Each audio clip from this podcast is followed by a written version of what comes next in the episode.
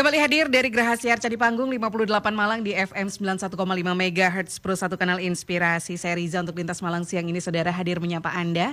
Hari Kamis semangat Sumpah Pemuda masih juga membara begitu ya. Dalam peringatannya yang ke-93.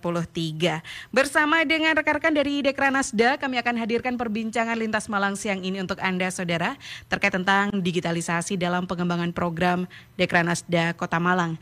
Nanti juga akan hadir berbincang bersama kami melalui Zoom RRI begitu ya. Ada saya panggilnya kalau Pak kayaknya kurang cocok ini. Mas aja ya. Mas Elang Baskoro Adi SSMIKOM. Beliau ini adalah anggota bidang humas dan publikasi Dekranasda Kota Malang yang sudah tersambung bersama kami di Zoom kami. Saya akan sapa dulu Mas Elang. Halo, selamat siang Mas Elang. Halo, selamat siang. Nah, mantap. Ini biasanya untuk para yang pernah muda. ini kenal sama Mas Elang ini kalau nggak salah ini. Karena dulu suaranya juga sering melintas begitu ya di udara. Benar nggak sih Mas Elang? Dulu mantan, mantan. Mantan, tuh kan suaranya kan keras banget iya. gitu kan ya, berasa ya. Saya tuh juga ngertinya dari salah satu pendengar Pro satu yang ternyata juga uh, Uh-uh. ngefans sama Mas Elang loh. Loh ini kan penyiar Wih. gitu. Jadi masih famousnya masih ada ini. Aura-aura artisnya masih ada ini Mas Elang. Gimana kabar Mas Elang? Siang hari ini? Alhamdulillah baik. Alhamdulillah sehat semuanya. Siap. Mantep banget Yang di studio juga sehat semuanya. Amin. Kami semua di RRI Malang sehat ini. Dan kita udah ngelihat backgroundnya Mas Elang aja udah kelihatan banget ya kalau kita mau bahas digitalisasi dalam pengembangan program Dekranasda Kota Malang. Mas Elang ini seperti apa sih konsep digitalisasi yang diusung oleh Dekranasda agar lebih apa ya nanti para membernya kemudian lebih melek teknologi lagi, kemudian juga bisa bersaing di era 4.0 yang udah menjelang 5.0 juga. Silakan Mas Elang. Ya, teman-teman UKM di Malang, terutama yang di binaan untuk Dekranasda itu sebetulnya uh, mereka tuh melek semua kok, mm-hmm. melek semua terkait dengan digitalisasi produk mereka yang harus go digital itu mereka melek semuanya. Cuman ada beberapa yang memang harus diarahkan karena saking meleknya itu kadang-kadang mereka suka-suka coba-coba kayak gitu. Nah itu yang harus uh, kami coba arahkan untuk kami coba kembangkan lebih uh, fight lagi di dunia digital karena perkembangan digital itu ketika kita tidur digital itu uh, perkembangannya sudah semakin naik gitu Hmm. Begitu kita bangun eh ada yang baru lagi nih kayak gitu. Jadi uh, kita nggak mungkin ngejar itu semuanya. Cuman yang perlu kita uh, pahami adalah kita harus bisa menikmati era 4.0, ntar lagi 5.0, ntar lagi 6.0, hmm. apa pun itu uh, kita harus menikmati, bukan mengejar sebetulnya. Hmm. Kalau kita kejar gak kuat kita. kalah. Hmm. Nah itu terbukti sebetulnya uh, bagaimana saya uh, sampaikan bahwa teman-teman UKM di uh, Kota Malang itu melek teknologi terbukti uh, dari paparan Pak Wali Kota sebelumnya bahwa uh, untungnya gitu ya, untungnya orang orang-orang Malang itu kuat-kuat gitu loh pada saat hmm. menghadapi uh, pandemi itu. Jadi uh, alhamdulillahnya uh, beberapa teman-teman UKM itu mereka malah bukannya turun gitu ya. Hmm Eh, dari segi omset, tapi mereka malah uh, stagnan gitu. Stagnan itu artinya yang nggak turun, yang nggak naik-naik juga, artinya mereka stabil gitu. Bahkan ada beberapa yang memang sudah naik gitu uh, dari uh, mereka yang memang concern banget dengan yang namanya uh, digitalisasi gitu. Nah, gitu kira-kira Mbak. Luar biasa malam. banget ini pemaparan yang padat tapi juga justru bikin melek begitu ya para pelaku UMKM. Seberapa penting sih Mas digitalisasi dalam uh, khususnya kita saat ini pada masa pandemi ya seperti yang disampaikan tadi Pak Wali Kota mengatakan bahwasanya uh, untungnya UMKM Malang ini mampu bertahan. Minimal bertahan aja lah ya mengingat di luar sana ada banyak sekali yang KO bahkan perusahaan-perusahaan giant aja udah uh, bertekuk lutut dengan corona ini gitu. Seberapa penting Mas? Ya penting, penting sekali gitu. Hmm. Uh, tadi saya katakan mereka harus mengikuti ya uh, semua small ini nggak cuma uh, di bawah Dekranasda yang terkait dengan fashion, kria, hmm. hmm. uh, nggak cuma itu aja. Cuman uh, saya nggak tahu ya orang-orang Malang itu kreatifnya luar biasa loh. Hmm. Mulai dari ya, nggak cuma Arema aja ya. Hmm. hmm. Jadi mulai dari teman-teman UKM-nya itu uh, mereka itu saling nyambung gitu. Hmm. Nyambung itu meskipun contoh nih ya, misalnya contoh uh, biasanya teman-teman di Kranasda itu selalu melakukan kegiatan-kegiatan uh, pelatihan-pelatihan. Hmm. Tapi pada saat mereka PPKM, pada saat memang tidak ada banyak kegiatan yang seperti itu karena pandemi, mereka tetap ngumpul ternyata. Wow, luar ngumpul, biasa. kolaborasi hmm. sendiri, hmm. gimana caranya mereka itu survive. Uh, hmm. Padahal yang diajak kumpul itu adalah kompetitornya mereka sendiri gitu, hmm. bahwa mereka ingin uh, go nasional, hmm. go internasional gitu hmm. dengan uh, metode digitalisasi itu tadi. Kira-kira gitu. Metode yang biasa digunakan kalau misalnya barengan sama hmm. Dekranasda, apalagi Dekranasda sendiri kan juga punya beberapa sub cabang ya Mas ya. Tadi disampaikan yeah. ada kria, ada fashion. Ini penerapannya, perlakuannya apakah sama atau seperti apa? Mas Lang? Sama, sebetulnya hmm. sama. Uh, sebetulnya sama karena mereka punya kelebihan dan kekurangan masing-masing. Tapi hmm. untungnya banyak kelebihannya di Kota Malang itu. Ya. Hmm. Jadi uh, produk-produk yang disampaikan uh, ke masyarakat luar, baik itu lokal maupun nasional maupun internasional, itu mudah diterima itu produknya teman-teman dari Malang itu, karena sudah berkualitas juga teman-teman apalagi fashion ya, fashion juga uh, wow banget untuk apa namanya uh, tutornya ada gitu ya, akademisinya ada gitu UKM-nya juga nggak main-main gitu. Tinggal running aja sih sebetulnya gitu. Malang enak natanya. Kira-kira okay. gitu, Mbak. Mm-hmm. Ini konsep yang diterapkan dalam hal digitalisasi produk dari UMKM yang tergabung mm. dari Dekranasda sendiri. Ini penerapannya kayak apa ini, Mas Elang?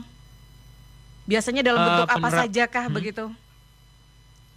Uh, sebetulnya penerapannya memang kita tidak pernah nge-push harus seperti A, seperti B ya karena uh, setiap produk itu pasti punya kewenangan berbeda-beda ketika itu didigitalisasikan gitu. Mm -hmm. uh, konsep yang kami arahkan sebetulnya adalah ayo melek gitu loh. Yang tadinya dulu cuman mau to mode, uh, mereka tadinya cuman displaynya lewat apa namanya uh, etalase gitu. Kita hmm. coba arahkan mereka kembali bahwa ini loh marketplace banyak loh, Malang hmm. juga punya marketplace lokal loh gitu, apalagi nasional loh gitu. Hmm. Kemudian ayo kita kembali lagi melek lagi bahwa bahwa yang kita punya contoh kata adalah WA gitu ya. Hmm. Uh, kita punya WA nih Ibu nih. Uh, masa kita nggak nggak nggak manfaatin gitu ya nah, akhirnya mereka sadar oh iya ya ternyata WA kita juga bisa loh dipakai gitu nah akhirnya kami sebetulnya hanya reminder mereka gitu reminder teman-teman uh, pengrajin ini bahwa uh, semua lini itu sebenarnya bisa dipakai gitu. Nggak harus punya Instagram, nggak harus punya YouTube, nggak harus punya uh, TikTok lah dan segala macam. Melalui WA dulu gitu kita coba create gitu. Melalui Google dulu kita coba create akhirnya mm -hmm. melanjut melanjut ke Instagram, ke TikTok, ke YouTube dan lain sebagainya. Jadi kita uh, kuncinya sebetulnya kuncinya teman-teman itu sudah melek teknologi, cuman kadang-kadang uh, mereka masih aku suka yang mana ya, aku suka Shopee nggak sih, aku suka Lazada nggak sih, nah gitu. Uh, mereka masih pilih-pilih, tapi mereka trial and error sebetulnya, mereka coba-coba aja dan itu berani gitu loh. Nah, ini yang seru gitu. Ini yang yang uh, yang lebih enaknya teman-teman UKM Kota Malang itu mereka berani gitu menawarkan mereka berani mencoba eh, dan tinggal memoles aja dan mengarahkan. Ini nih bu ini yang lagi happening nih kayak gitu. Ini nih bu ini coba, coba dong dicoba yang seperti ini nih ya, siapa tahu dapat nih kayak gitu. Member dari Dekranasda ini kan banyak ya Mas Lang ya. Beragam gender ada, beragam uh, usia ada juga. Ini ada tantangannya nggak sih ketika mencoba untuk memasukkan eh, hal-hal uh, yang berkonsep digital begitu kepada para member Dekranasda dengan tujuan, ayo kita maju bareng nih, kita bangun bareng nih uh, produk-produk kita hmm. biar lebih dikenal secara internasional gitu Mas Lang. Iya, tantangannya sebetulnya ada di pengrajin yang uh, sesepuh-sesepuh ya. Para senior kita bilang saya gitu ya. Oh ya, ya saya nggak bilang tua. Oh, senior ya. senior. Sebetulnya kalau di di apa namanya eh, di dunia digital mereka di, di dibilangnya adalah baby boomers gitu ya. Baby, baby boomers, boomers itu artinya okay. yang sudah usia mungkin sekarang mungkin ya sekitar 50 60 gitu dan mereka masih survive dengan karya-karyanya gitu kan. Nah, uh, sayangnya mereka tidak melihat bahwa anak-anaknya bisa dikaryakan loh nah gitu loh jadi mereka kadang-kadang uh, itu tantangannya. Jadi uh, teman-teman uh, teman-teman UKM yang mereka usia baby boomers itu tadi uh, kadang-kadang kadang-kala mereka oh, apakah aku bisa ya gitu. Apakah aku sanggup ya gitu. Karena memang uh, dunia digital itu mereka tidak mengalami yang apa ya yang yang intens dan concern gitu. Mereka mau hire orang untuk manajemen media sosial di UK apa di tempat usahanya dia itu masih belum berani juga gitu. Akhirnya kami juga me me mencoba mengarahkan bahwa ayo Bu kita mulai dari keluarga dulu yuk gitu. Beliin deh anak-anaknya handphone yang bagusan dikit gitu yang bisa mm. fotonya bagus gitu ya. Kemudian uh, coba kita uh, apa namanya arahkan untuk mereka untuk bantu orang tuanya dulu gitu. Nah, kalau itu sudah dapat, sudah enak, sudah banyak manfaatnya baru kita bisa mengarahkan menggerakkan mereka untuk uh, ayo rekrut orang yang khusus manajemen sosial media gitu. Itu tantangannya situ sih Mbak uh, karena uh, ya mereka banyak ya banyak yang ngerti, banyak yang aware tapi nggak mau kayak gitu karena memang kesibukan gitu ya. Mm. Ada yang mereka tidak tahu sama sekali, entah bikin WA aja salah ketik kadang-kadang. Mm. Atau Instagram itu apa sih? Cuman bisa menikmati tanpa bisa tanpa bisa memanfaatkan gitu. Nah itu yang kita coba poles-poles lagi. Tapi ya itu tadi uh, bukan berarti mereka tidak bisa. Mm. Kami biasanya mengarahkan, ayo dong uh, kita colek keluarga yang lain yang ada di rumah untuk bisa aware lagi dengan produk dari orang tuanya yang sayang dong kalau nggak dimanfaatkan kayak gitu. Benar. Itu salah satunya. Ini artinya ada forum khusus begitu kan Mas Selang bagi para member Dekranasda untuk saling sharing gimana sih cara memulai hmm. uh, digitalisasi dari produk UMKM yang uh, mereka miliki begitu mengenalkan kepada member kepada masyarakat yang lebih luas begitu. Ada forumnya enggak? Hmm forum secara khusus hmm. uh, saya kira ada hmm. ya, meskipun saya tidak termasuk dalam forum itu hmm. tadi saya sampaikan bahwa uh, kadang-kala kita ngumpulnya pada saat pelatihan-pelatihan gitu mbak hmm. cuman kadang-kala ketika pelatihan itu nggak ada mereka ngumpul loh mereka kompak gitu loh justru nggak ada pelatihan malah gitu. kumpul ya Betul hmm, gitu loh. Hmm, mereka hmm. sharing, mereka uh, apa namanya saling komunikasi gitu. Kebetulan saya juga beberapa ada beberapa uh, grup ya yang ikut di grup WA hmm. gitu. Ada grup WA si A, ada grup WA B gitu. Yang itu isinya adalah teman-teman dari UKM UKM semua. Nggak cuma fashion sama kria di bawah Dekranasda, hmm. tapi ya itu tadi orang Malang tuh unik gitu loh. Kompaknya luar biasa. Maka dari itu uh, banyak teman-teman UKM ketika pandemi itu tetap survive sampai sekarang. Hmm jadi secara kalau dibilang otodidak begitu ya Mas Elang ya, mereka memiliki kemampuan-kemampuan ya. itu untuk uh, survive di masa pandemi dengan Betul hal-hal yang paling simple di sekitar mereka gitu ya. Hmm. Jadi kayak WhatsApp, share broadcast WhatsApp hmm. gitu. Ini kan tapi butuh hmm. ada artnya gitu Mas Elang. Harus ada seninya agar ketika kita membroadcast yeah. produk kita itu akhirnya a catch orang udah langsung lihat hmm. apa nih kayak gitu. Ini bisa dibagi tipsnya nggak nih Mas Elang? Hmm sebetulnya pada dasarnya gini, pada dasarnya uh, manusia itu suka yang bagus-bagus, suka hmm. yang indah-indah itu ya, karena manusia itu adalah uh, makhluk visual gitu ya. Kalau teman-teman belajar di ilmu komunikasi ini komunikasi visual atau desain komunikasi visual. Nah, ketika kita sudah tahu bahwa manusia itu suka yang bagus-bagus, maka kita juga harus menghadirkan uh, beberapa konten-konten, beberapa hal yang bagus-bagus di mata orang lain tersebut gitu loh. Gak hanya orang yang butuh aja, maka uh, kita jualan pun juga uh, pada orang-orang yang nggak butuh tiba-tiba dia akhirnya butuh karena begitu tertariknya mereka melihat uh, apa namanya tampilan-tampilan di media sosial salah satunya hmm. gitu. Hmm. Nah itu basic yang pertama. Jadi orang suka yang bagus-bagus. Nah ketika kita sudah tahu uh, mereka suka yang bagus-bagus maka kita juga harus aware nih. Kita harus juga sadar nih bahwa kalau foto produk yang bagus juga gitu jangan yang asal, jangan backgroundnya lantai, jangan backgroundnya tembok, gitu. Kasih sesuatu yang menarik, kayak gitu. Itu sih salah satunya. Kemudian copywritingnya juga seperti itu. Copywritingnya artinya dalam penulisan ketika entah itu mau diposting di WA, Instagram, TikTok dan lain sebagainya, uh, copywritingnya artinya dalam penulisan beri kata-kata kata-kata yang yang menggugah selera orang untuk uh, wow ternyata ada ini nih kayak gitu. Uh, contoh katanya, contoh kata adalah dalam rangka Sumpah Pemuda khusus uh, teman-teman yang usianya 17 tahun sampai 25 tahun ada diskon hmm. nih 25 persen. Kira-kira seperti itu. Hmm. Jadi kita harus mudah menangkap apa momen yang ada di depan kita. Menarik yang nomor satu ya apa yang kita suka gitu ya sesuatu yang indah-indah yang bikin ya. orang itu langsung uh, hmm. ngeh gitu ada beda nggak sih masalah ketika kita harus memperkenalkan produk secara digital begitu dari apa harus hmm. memperhatikan jenis produknya hal-hal seperti ini apakah menjadi takaran begitu ketika akan menyusun sebuah uh, konten digital? Ya, uh, beda produk pasti beda kemasan, beda hmm. tampilan dan beda visual gitu kan. Hmm. Yang paling paham sebetulnya sebetulnya bukan si fotografer itu. Mm -hmm. uh, katakanlah kami biasanya dapat uh, apa namanya project untuk ayo dong tolong dong uh, fotoin mm. produk saya untuk kami posting gitu mm. ya. Nah, kami gitu seorang fotografer pun juga harus menganalisa terlebih dahulu sebelum kita mem um, foto produk itu. Nah, mm begitu juga dengan teman-teman UKM yang mungkin tidak meng-hire seorang uh, vendor fotografer profesional gitu ya harusnya gitu harusnya teman-teman UKM itu sudah punya skill sendiri tidak perlu seribet apa seperti yang teman-teman fotografer lakukan mm -hmm. yaitu menganalisa karena sudah tahu produknya mm -hmm. sudah tahu karakter produknya siapa pangsa pasarnya, demografinya seperti apa yang akan disasar.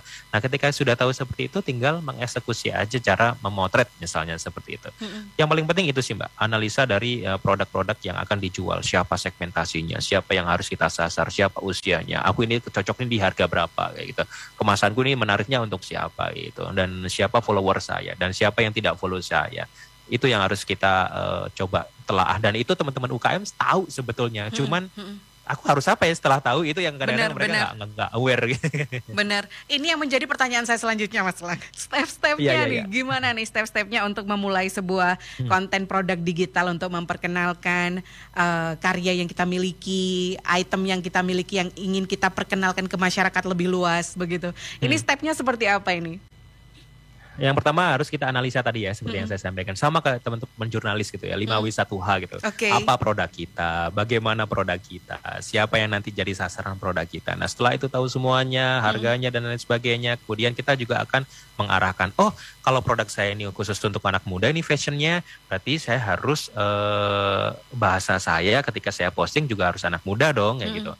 Oh, ternyata produk saya ini batik gitu loh. Tapi batiknya itu juga saya sasarannya adalah profesional muda gitu loh. Enggak yang cuma tua tua aja misalnya hmm. gitu. Berarti saya harus juga uh, seolah-olah saya menempatkan diri seprofesional mereka, menempatkan diri uh, seusia mereka gitu. Akhirnya uh, hasil dari posting postingan-postingannya pun juga harus sesuai dengan yang mereka inginkan, yang mereka sukai gitu. Jangan kadang-kadang gini, Mbak. Uh, kadang-kadang mereka itu uh, udah deh ini aku udah foto nih menurut saya udah paling bagus ini idealis idealis yang seperti itu yang harus kita uh, apa namanya bukan dirobohkan enggak ya, tapi hmm. disesuaikan. Idealis boleh, cuman kita kan juga harus tahu gitu. Karena kita dunia digital loh ya. Dunia digital itu enak. Kalau suka pasti banyak yang nge-share. Okay. Tapi kalau nggak suka, yang nyelatu itu wah kayak rakaruan gitu. Dan komen-komen yang jahat-jahat itu nggak bisa dihilangin gitu. Kalau sudah komen jelek, ratingnya jelek ya sudah mm -hmm. gitu, kukut gitu. Itu, itu itu dunia digital itu sebenarnya mem memudahkan, tapi mm -hmm. juga kalau kita nggak uh, apa namanya nggak standby, nggak siap siaga, hmm. ya sudah gitu. Mereka akan menghajar kita dengan pelan-pelan gitu. Wow. Itu sih kesulitannya. Ini analisa menjadi hal yang sangat penting ya Mas Lang ya? Ya, number one itu. Dan Artinya, itu sebenarnya hmm. lebih uh, nyaman uh, ketika teman-teman UKM itu sebetulnya mereka tahu, hmm. cuman kadang-kadang nggak sadar aja sih kalau ke, uh, informasi yang mereka dapatkan itu uh, harus seperti apa di uh, apa namanya dikemasnya mm -hmm. dalam dunia digitalnya itu tadi. Dari analisa akhirnya kita bisa lebih mengenal produk kita begitu ya, karena nggak banyak juga kasus dari para pelaku UMKM, UKM begitu yang ternyata mereka nggak pede dengan ya. produknya, mas. Ini gimana mau bisa Betul. masuk ke apa ya dunia digital begitu ya ketika mm -hmm. kita kurang pede dengan apa yang kita miliki. Tipsnya, Mas Lang?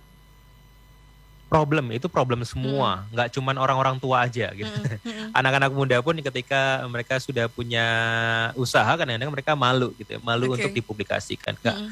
ya uh, itu itu penyakit sebetulnya penyakit gitu karena uh, ya contoh kata adalah nah ketika ada informasi lowongan kerja tapi informasi lowongan kerjanya posisinya adalah sales dan marketing hmm. jarang hmm. banget ada orang yang mau gitu ya tapi kalau administrasi uh -uh. gitu sekretaris uh, itu banyaknya luar biasa nah mental-mental seperti itu yang harus kita bongkar bahwa tanpa teman-teman marketing, tanpa teman-teman sales, maka perusahaan tidak akan sehat gitu, tidak akan ada yang menjual, membeli gitu. Nah sama hmm. sebetulnya.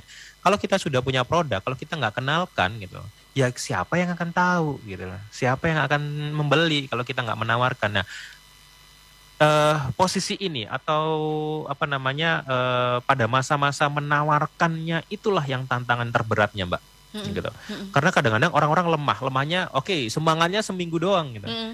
Tapi setelah seminggu berikutnya karena nggak ada like gitu ya, karena nggak ada yang komen gitu, akhirnya ya kok nggak ada yang follow sih gitu ah followerku mek titik ini ya opo gitu padahal followers juga tidak menjanjikan itu akan menjadi bagus contoh kata eh, Instagram saya gitu, Instagram hmm, Cakrawala hmm. underscore kreatif saya itu followersnya cuma seribu sekian, hmm, tapi yang nanya itu banyak gitu, di DM itu banyak.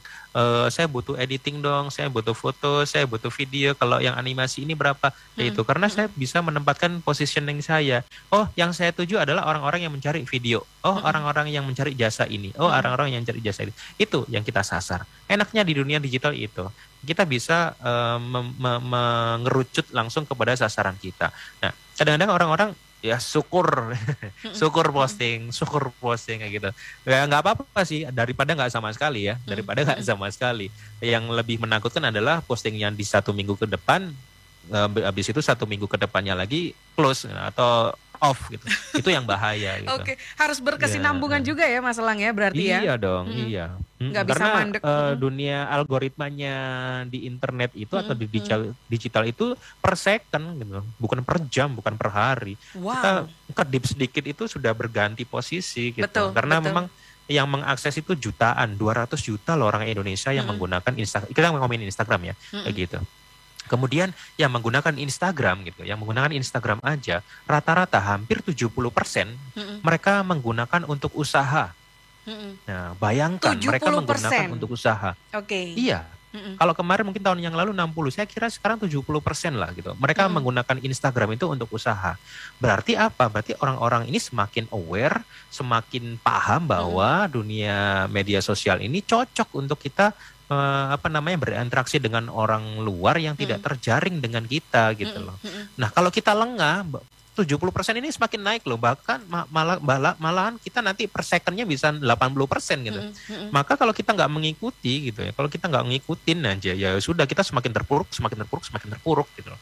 Kan eman-eman gitu. Jadi nggak usah terlalu terpaku dengan berapa jumlah like yang nutul kita nah, gitu nah, ya. Nah karena enggak, follower enggak, atau like itu belum tentu uh, juga mereka bayar begitu ya belum tentu juga mereka adalah konsumen belum, kita ya. iya. ya jadi bisa Bahkan, jadi uh, followernya hmm. banyak yang beli juga itu khawatirnya malah ketipunya di situ gitu jadi memang harus iya. pede terus ya sama produk yang kita miliki hmm, hmm. dengan harus wajib itu uh, uh, strategi-strategi tadi yang sudah disampaikan oleh Mas Elang ini baru satu hmm. ini Mas Elang yang disampaikan hmm. ini tantangannya padahal tantangan di era digital ini kan tentu saja nggak cuma satu ya Mas Elang ya ada banyak sekali yang nanti akan uh, kita kupas begitu ya. Plus tipsnya nih penting nih dari okay.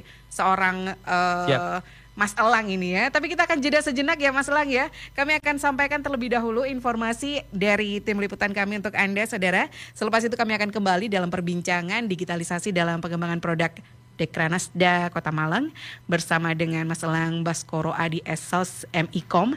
Selepas yang satu ini kami akan segera kembali ke ruang dengar Anda. Pastikan selalu bersama kami di Pro 1 Kanal Inspirasi. Channel ini bisa didengarkan dengan kualitas audio lebih baik. Download aplikasi RRI Playgo di smartphone.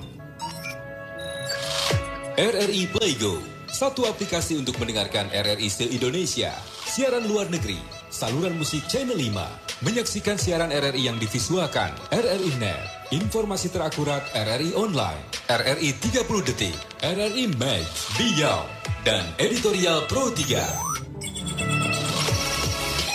Selamat datang di era digital RRI. Kini, mendengar, menonton, dan membaca berita cukup di satu aplikasi. RRI Playgo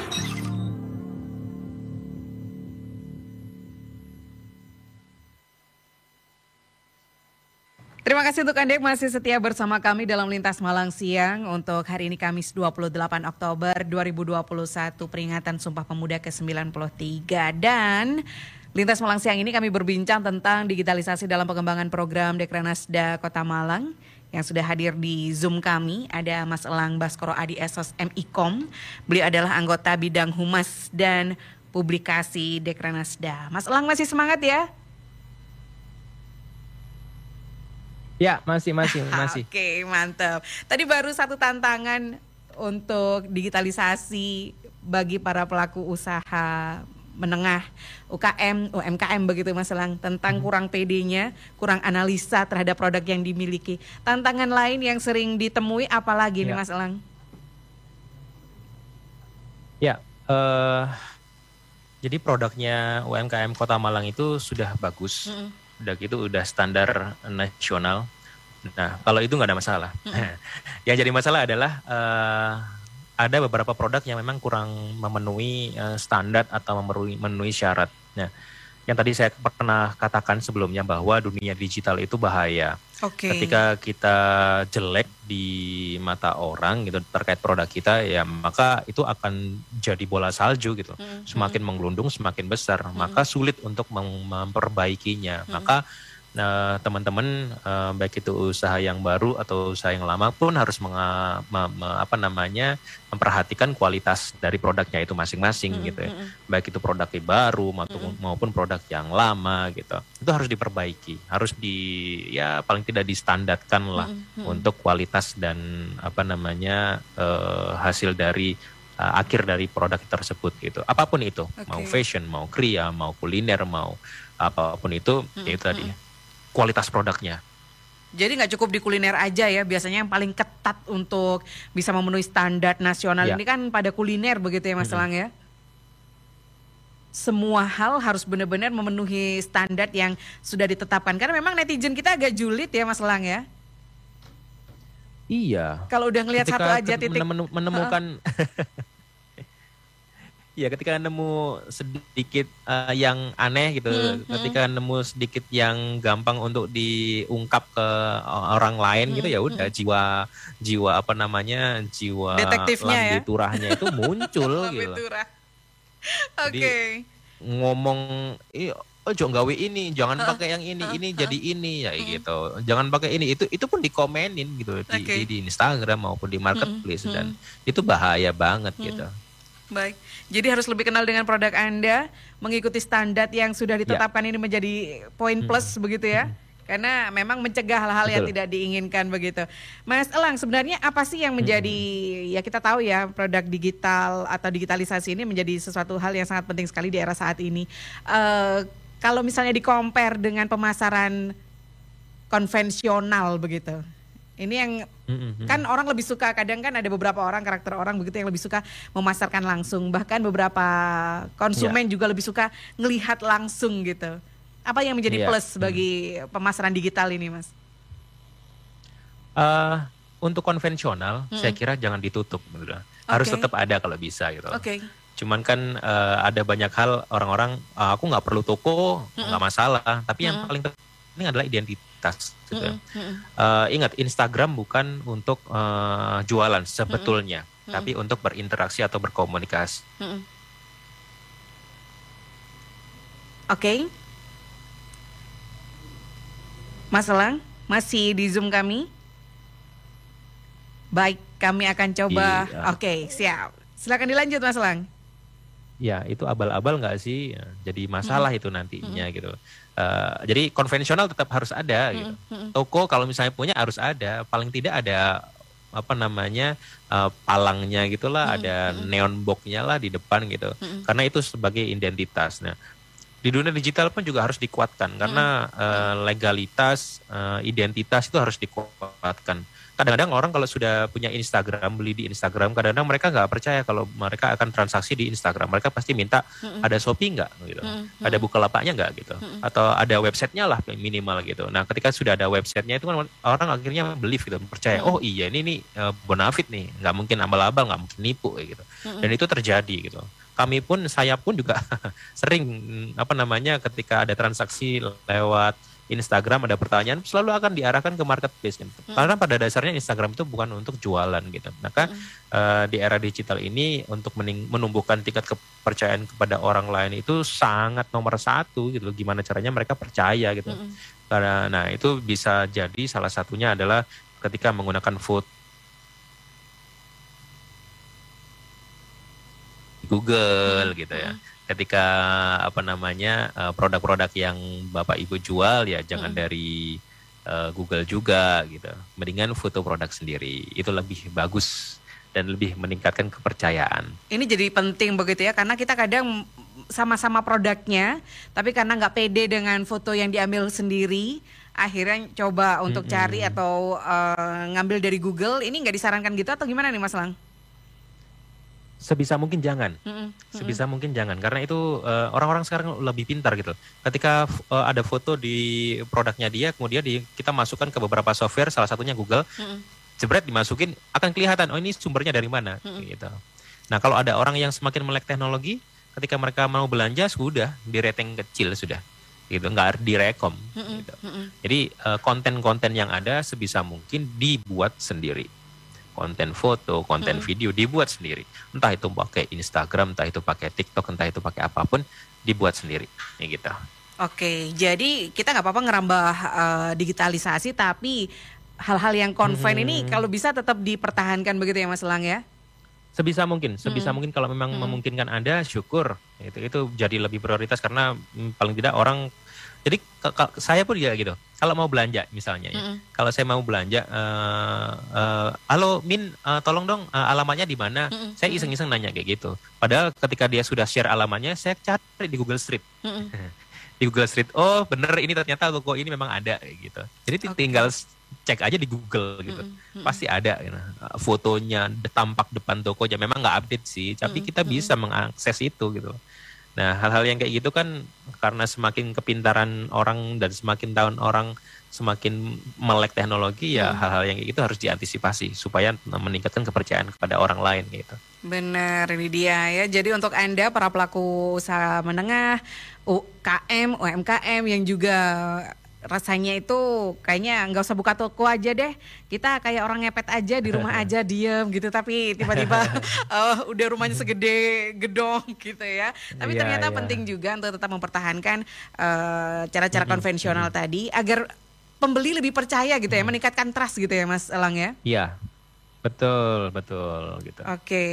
Mas Elang untuk bisa ini cara yang paling uh, sederhana dan simpel deh kalau kita mau upload konten gitu Mas Elang. Apa saja yang perlu diperhatikan hmm. pas upload konten? Terus gimana cara kita untuk bisa mendeteksi bahwa konten kita ini udah baik kah atau udah buruk kah? Sedangkan kita nggak ada sama sekali basic di bidang market digital begitu. Ya, tadi intinya uh, tadi yang disampaikan di awal mm -mm. bahwa manusia itu suka yang bagus-bagus gitu ya. Mm -mm ketika kita mau memfoto produk kita misalnya gitu, waduh aku nggak bisa foto nih, mm bohong kalau nggak bisa foto gitu loh. Kalau selfie bisa, kenapa foto nggak bisa gitu? Oke, okay. selfie jago ya. Padahal handphonenya, iya selfie jago gitu. Handphone pasti bisa gitu. Handphone motret tuh bisa. Cuman kan uh, kadangkala uh, orang-orang motonya asal gitu. Itu uh, itu salah satu konten ya. Artinya teman-teman uh, bisa lihat tuh di Google banyak sebetulnya tanpa mendatangkan ahli pun sebenarnya banyak Google. Oh kalau di Google misalnya foto produk keripik misalnya, foto produk fashion itu akan keluar semua contoh-contohnya. Nah itu kan bisa dijadikan inspirasi, gitu. Bisa dijadikan inspirasi. Jadi bukan dicomot itu foto dari Google-nya, tapi kita uh, foto dengan produk kita sendiri, tapi dengan model yang seperti itu, itu bisa gampang. Dan itu murah banget dengan handphone. Gitu. Dengan handphone tuh murah banget jadi handphone kita itu sebetulnya sudah sangat canggih banget ya. Apalagi kalau yang sudah kamera belakangnya itu sudah tiga hmm. gini ya. Ada yang empat gitu, ada bahkan ada yang iPhone yang paling baru yang bulat-bulat tiga gitu. Hmm. Itu sudah auto sudah, motret aja udah cukup bagus gitu. Nah, uh, cuma kadang-kadang orang-orang kalau uh, apa namanya nggak nggak nggak pede itu tadi sih karena kurang literasi juga hmm. karena kurang hmm. uh, apa namanya kurang ide juga nah ide itu bisa dilakukan itu bisa dicari uh, pakai Google juga nggak masalah amati tiru modifikasi, modifikasi. Hmm. wah itu udah uh, apa teori yang bisa dipakai seumur umur gitu tapi hmm. pakai produknya kita sendiri Oke. Okay. Gitu. Selain di sosial media, Mas Elang uh, ada apa ya web-web atau link atau apa ya semacam portal-portal lain kah yang bisa direkomendasikan untuk bisa menjadi sebuah wadah pemasaran bagi sebuah produk begitu? Hmm. Kalau media sosial kita semua sudah sama-sama kenal ya. begitu ya? Ya. Media sosial paling tidak ada lah satu dua. Hmm. Gitu. Hmm uh, Instagram boleh, mm -hmm. WA itu media sosial loh ya, mm -hmm. WA itu. Mm -hmm. uh, kemudian yang kedua adalah marketplace bisa bisa mungkin punya, karena mm -hmm. biasanya tujuannya ke sana orang-orang gitu. Okay. Kalau nggak, karena itu marketplace itu seolah-olah adalah uh, makelarnya gitu. Mm -hmm. Jadi uh, tingkat kepercayaan orang kalau mau beli ke marketplace itu semakin tinggi daripada beli di Instagram. Uh, setidaknya itu harus punya, gitu ya. Kemudian uh, saya lagi-lagi mengingatkan WA kita. WA kita itu loh bermanfaatnya luar biasa, mm -hmm. gitu nggak usah lah kita ngopeni Instagram, TikTok dan YouTube dan lain sebagainya. WA hmm. kita kita kembali ke WA kita. Sudahkah WA kita sudah dijadikan atau ditingkatkan menjadi WA bisnis? Hmm. Gitu. Sudahkah eh, nomor handphone kita terpisah dari nomor pribadi dengan nomor usaha? Sudahkah itu gitu? Nah, jika dila belum dilakukan, lakukan mulai hmm. dari hal yang kecil itu, hmm. gitu ya. Nggak perlu handphone bagus sih kalau mau beli second juga boleh. Kalau mau beli baru juga alhamdulillah gitu ya. Mm-hmm. Mulailah dari situ WA. Mm-hmm. Selalu simpen nomor-nomor uh, handphone dari si uh, pelanggan baru, pelanggan yang lama atau teman-teman yang baru, teman-teman yang lama. Mungkin uh, Mbak atau teman-teman yang uh, lagi online sekarang ini mm-hmm. pernah ya melihat ada teman-teman kita yang kalau WA story-nya itu atau WA update statusnya itu bah berderet-deret ya isinya jualan semua gitu. Kayak benang jahit. Ternyata omsetnya mereka gini Iya, uh-uh. kita tinggal skip, skip, skip, skip, uh-uh. skip mana. Uh-uh. Ternyata omsetnya gila loh, mereka puluhan juta loh. Uh-uh. Uh-uh. Cuman jualan melalui WA doang. Uh-uh. Bayangkan itu. Jadi sebetulnya uh, kita ngopeni media sosial kita dari WA aja sebetulnya uh-uh. udah cukup gitu. Saya kebetulan juga punya mertua. Uh-uh. Mertua saya itu jualan uh, kosmetik gitu ya di Muharto itu. Kosmetik yang ya uh, saya kira paling murah sih, yang yang yang saya kira itu paling murah. Uh-uh. Tapi ibu saya ini, mertua saya ini rajin banget nge-save nomor pelanggan yang selalu datang ke toko itu. Wow. Dan dia minta, dan dia itu minta selalu, e, ayo simpenan nomor kupisan ya. Nah, kalau hmm. ono promo-promo anyar gue tak share deh, anu WA gitu. Okay. Saya share di WA dan betul setiap kali uh, mertua saya, mertua saya usianya udah 60-an loh. Mm -hmm. uh, setiap kali mertua saya upload misalnya lipstick yang ada produk baru dan lebih murah, mm -hmm. view-nya itu bisa sampai 1.500 loh. Luar biasa. Hanya di WA aja. Oke. Okay. Itu. Bisa tahu kan omsetnya gitu. Mm -hmm. omsetnya biasa. juga akhirnya lebih banyak. Itu dia nggak mm -hmm. mau uh, apa nggak nggak nggak bisa main marketplace, nggak bisa main Instagram, hanya melalui WA saja gitu itu hal yang simpel yang harus kita coba uh, lakukan. Hmm. Kalau di WA sudah running, sudah jalan, baru kita mulai konsentrasi ke Instagram. Hmm. Instagramnya naikkan ke Instagram bisnis gitu. Supaya apa? Supaya terkoneksi dengan WA juga. Nah ini enak loh WA sama Instagram itu sudah satu owner dan sudah koneksi. Hmm. Begitu juga dengan Facebooknya itu sudah terkoneksi. Jadi hmm. enak sekarang itu pelan-pelan diopeni, pelan-pelan diopeni. Kalau sudah kewalahan baru rekrut admin gitu. Keren. Kalau kewalahan berarti kan omsetnya udah tinggi. Bener, gak ada salahnya juga rekrut admin demi profesionalitas juga ya Mas Lang ya. Iya, iya. Kalau di handle sendiri kan kadang juga keteter gitu ya kalau udah banyak uh, Wah, yang iya. suka gitu ya. Wow, ini padat banget ini apa yang hmm. disampaikan oleh Mas Elang, tapi saya rasa satu pertemuan kayaknya kurang kalau mau bahas tentang uh, market digital begitu ya Mas Elang ya, tentang digitalisasi dalam sebuah pengembangan ya, program ya, ya. gitu ya. Harusnya dibutuh satu minggu pelatihan khusus ini. Tadi baru satu tips aja loh. okay, Apakah okay, nomor ponsel udah kepisah uh, uh, antara bisnis dan pribadi aja? Saya rasa banyak juga para uh, pelaku usaha yang masih belum melakukannya. Padahal ini banyak yang belum ya. Iya, betul, banyak. Oke. Okay.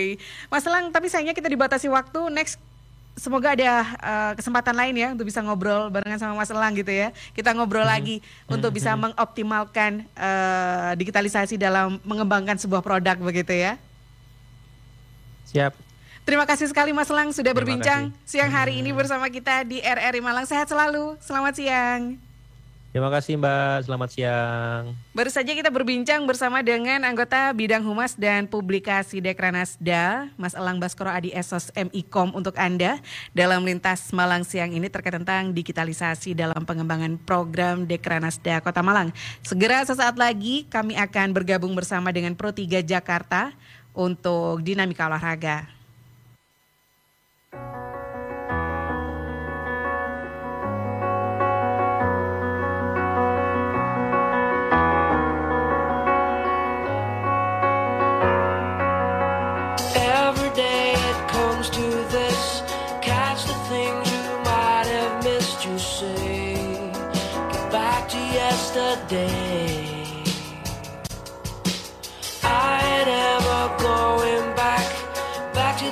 that I can't stand, but I.